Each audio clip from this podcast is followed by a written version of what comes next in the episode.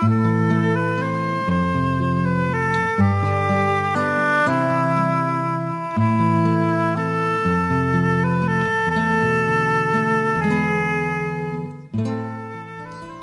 weer eens by Kortom. Vanaand gaan ons na drie kort kort verhale luister. Johan Nal lees eers vir ons Adrian Meyer se verhaaltjie Ouma kry blou lippe. Dan gaan ons luister na Juffrou Blink oë van De Wal Venter en laastens Die tollenaar van Jan van Tonner. Dit kom uit Dogters van Afrika van Tafelberg wat saamgestel is deur Rihanna Skeepers. Maar kom ons begin nou met Adrian Meyer se ouma kry blou lippe. Op een van die lekkerste dae wat ek nog in my lewe gehad het, het ek myself gevestig as 'n haarstylus, fotograaf en grimeerkunstenaar. Die dag het ek vir ma gevra om saam met my te speel. Sy het my snaaks aangekyk en vir my gevra wat ek wil speel. Toe weet ek sommer sy sal nie verstaan nie en toe jok ek en sê vir haar sy moet saam my karretjie speel, maar sy sê nee, sy is besig, sy het werk om te doen en toe los ek haar maar uit. Toe ek vir my pa vra om saam met my te speel, wou hy nie eers weet wat ek wil speel nie. Het net sy koffie klaar gedrink en gesê dis tyd dat hy by die werk uitkom. Selfs al was dit 'n Saterdag. My ouma was die enigste persoon wat nog saam met my wou speel. Sy was al oud en seniel en dit is nie baie omgegee nie. Ek moes haar net so nou en dan 'n koekie gee as beloning. My ouma wou altyd buite gaan speel het in die modder.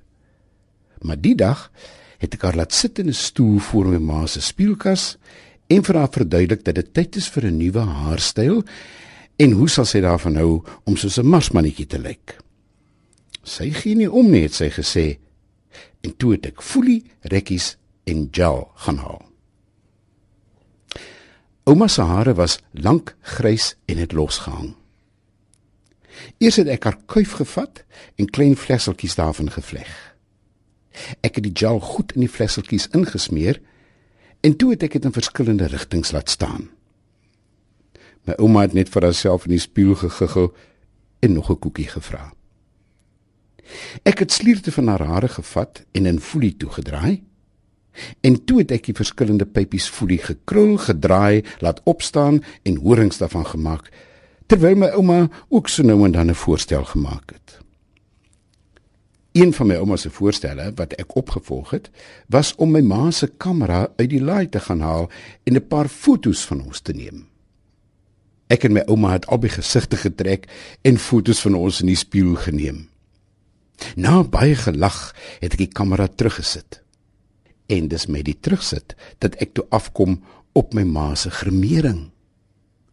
Natuurlik moes my ouma toe blou lippe kry met die blou potlood, groen ooglede met die groen potlood en pikswart sproete met die maskara.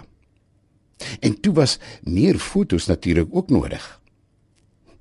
Al die opwinding was 'n bietjie baie vir my ouma en na haar sofoste koekie gaan lê sy toe op die bed met twee skyfies komkommer oor haar oë. Goed vir die bloedsirkulasie, sê my ouma. My ouma het nie weer opgestaan nie. Ek het haar gelos dat sy slaap.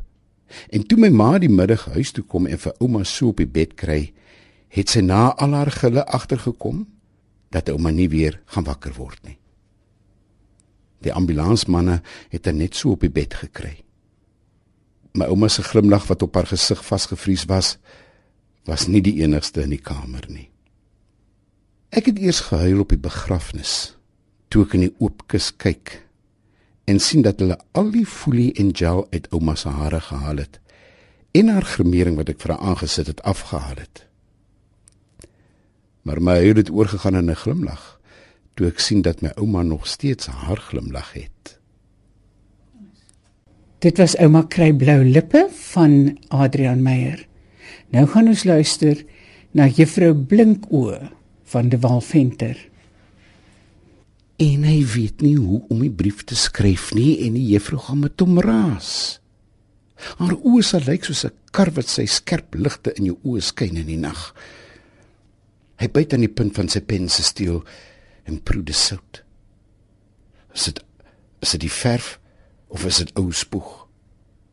Hy kyk geïnteresseerd na die gekoude steel wat nou nat blink.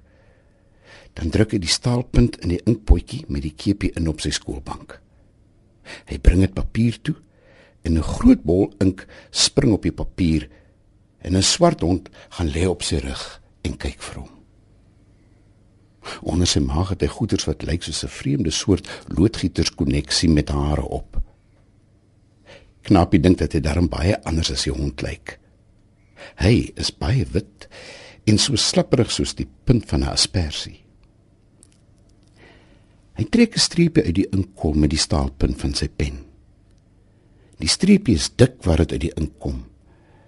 Dan word dit dunner en dan krapperig en dan niks. Die penpunt splits. Dis nie 'n lekker gevoel as die ink ophou nie. Knapie trek nog 'n streepie en sy gedagtes loop 'n wye draai. Juffrou is mooi. Sy het wit hare wat tot op haar skouers hang. Nie eintlik wit wit nie. Geelerig wit of soos die kleur van die ou messe se ivoorhewe wat in 'n plat houtkus lê en wat amper nooit reggepak is nie, want mens maak dit altyd die mekaar as jy die deksel oopmaak omdat die goeters wat die messe en goeters vashou uitgeval het of iets. Hy is sommer lus en soen juffrou. Maar mens mag juffrou nie soen nie. Hoekom nie? Wonder hy. Hy soen dan vir ma as sy hom sy broodjies in waspapier gee wanneer hy skool toe gaan. Ja, maar juffrou is bovendien wil hy haar anders te soen as vir ma.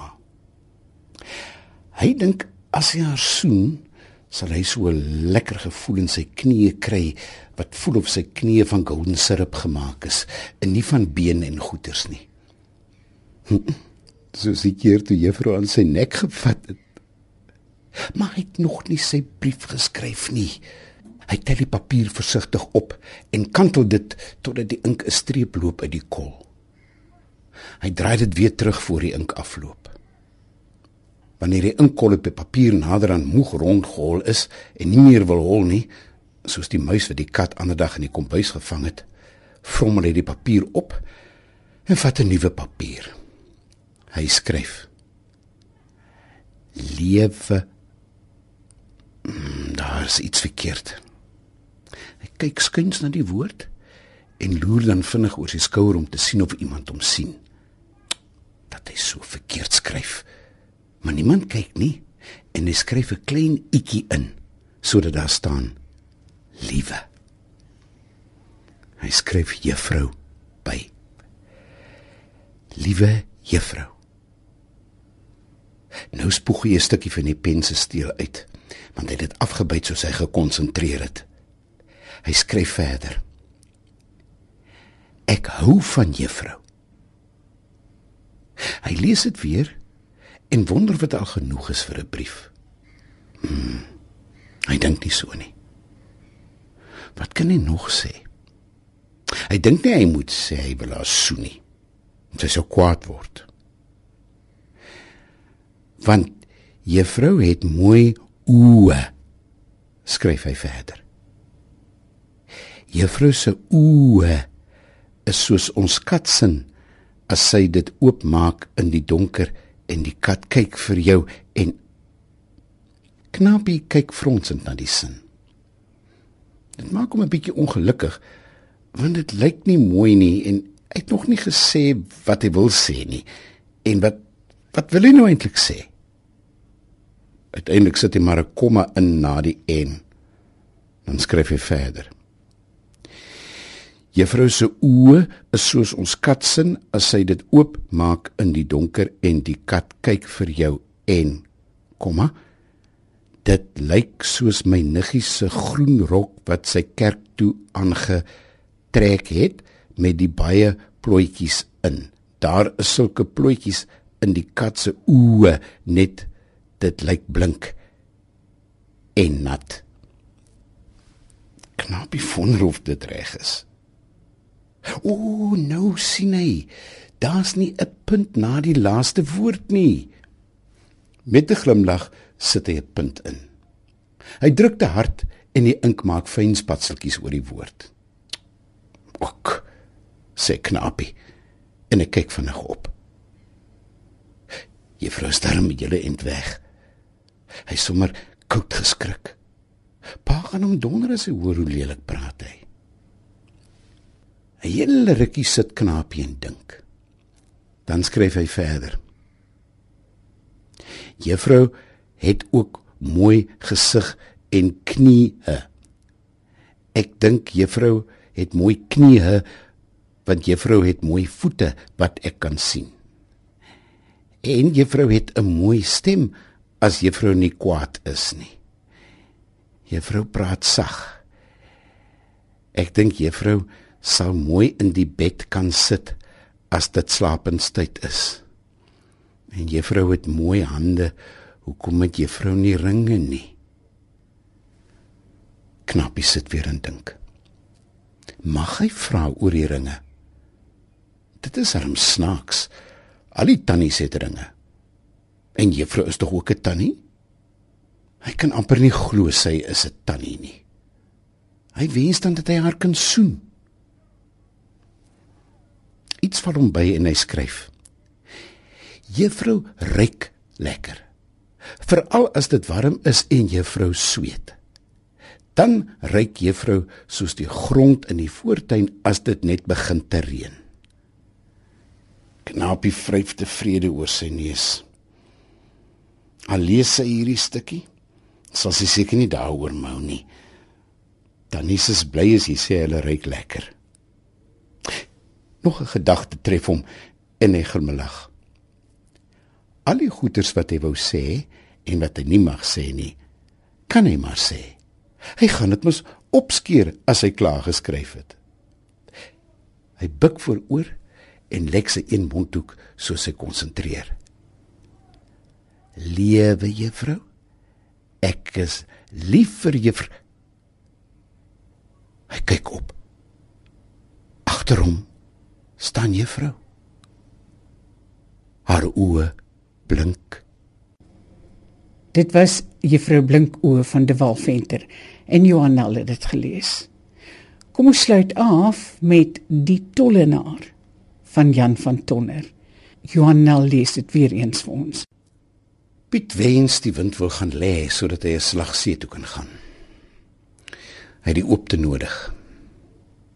Hy het 'n maand laas met iemand gepraat toe hy van sy weerwerk en tapisserie op Riverstal in Stilbaai gaan verkoop het. Intussen het hy 'n nuwe muurbehangsel en 'n bokhaar mat aangepak en wanneer hy moeg word in die berge rondgedwaal. 3 jaar lank woon hy alleen in die tolhuis in die Garcia Pas.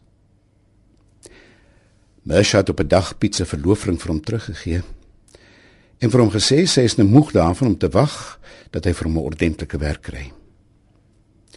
'n Ordentlike werk sou iets wees soos argitek waarvoor hy hoeka opgelei was of sakeman waarvoor hy genoeg geld geërf het of bouaannemer waarvoor hy genoeg ervaring gehad het.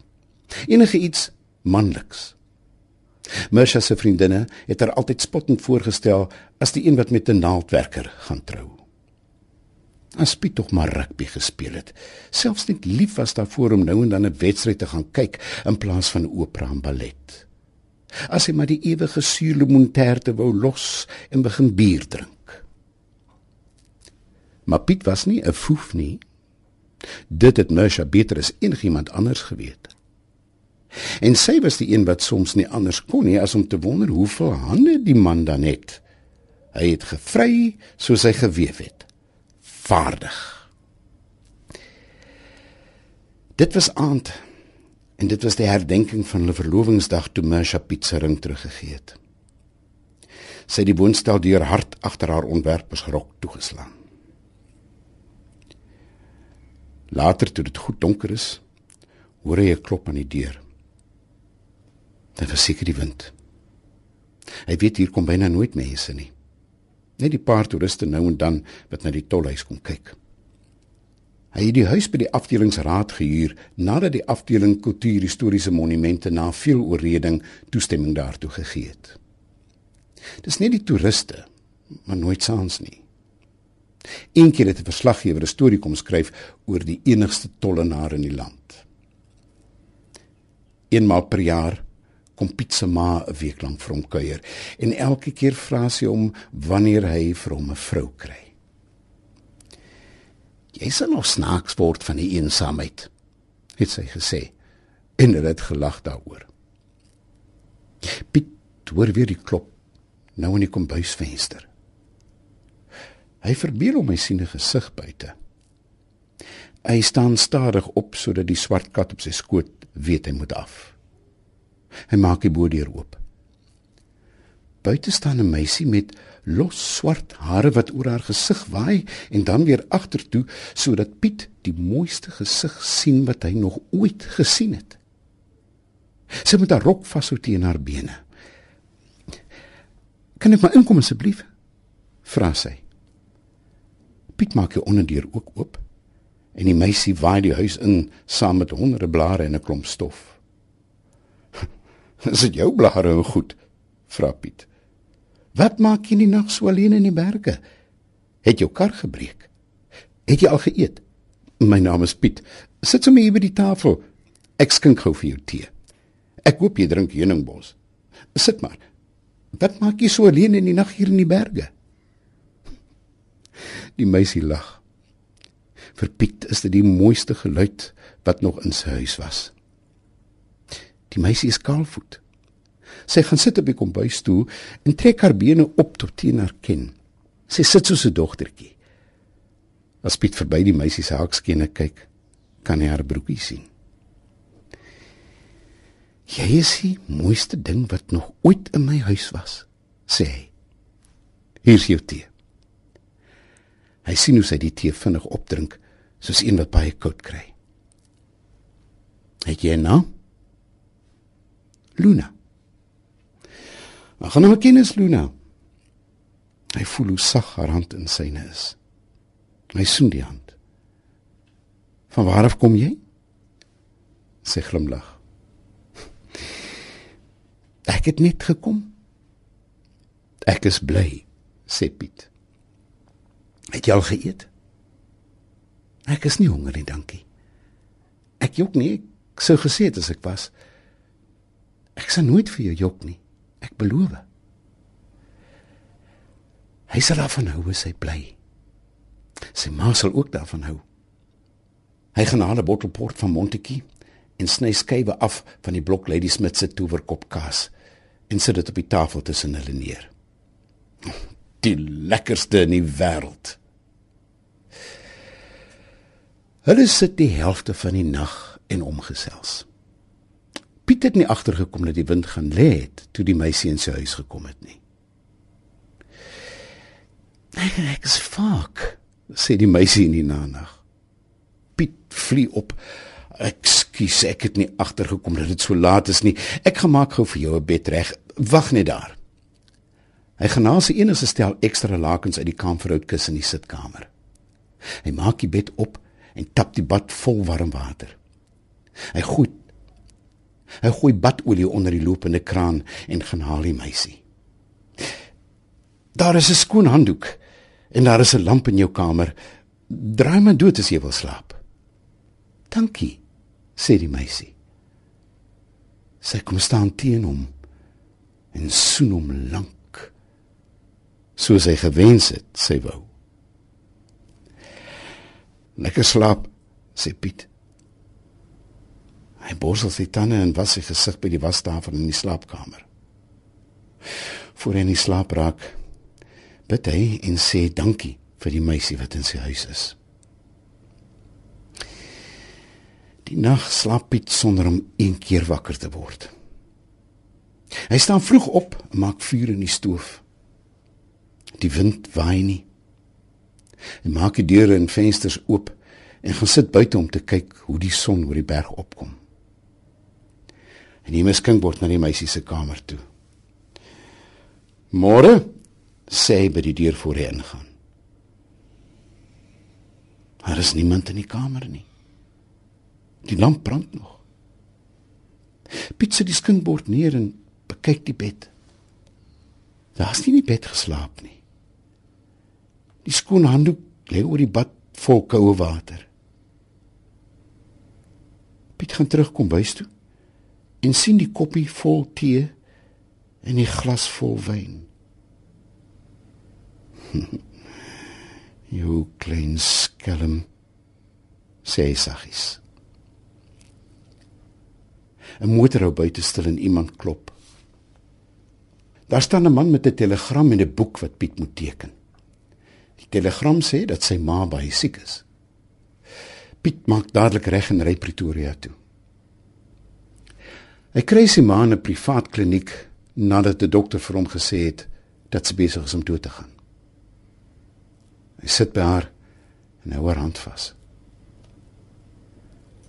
"Hoe gaan dit met jou seun?" "Goed, mamma." Hy glimlag. "Ek het vir mamma 'n verrassing."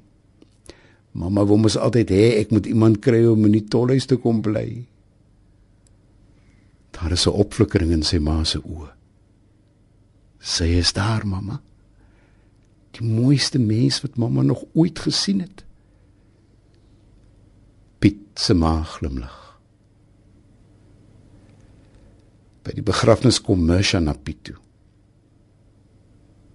Ek is jammer, sê sy. Sy vat Piet se hand. En toe Piet nie antwoord nie, sê sy: Ek het baie oor ons gedink, Piet. Dis goed, sê hy. Piet ry 13 uur lank terug huis toe. Hy sluit die agterdeur oop. Ek is terug, lief, roep hy oor die onderdeur. Luna sit by die tafel met haar bene teen haar bors opgetrek. En verby haar rakskiene kan Piet haar broekie sien. Hierdie drie verhale kom uit Dogters van Afrika wat by Tafelberg verskyn het en saamgestel is deur Riana Skeepers. Van my Margolite, alles van die aller aller allerbeste. Tot volgende keer. Mag dit met ons almal goed gaan. Totsiens.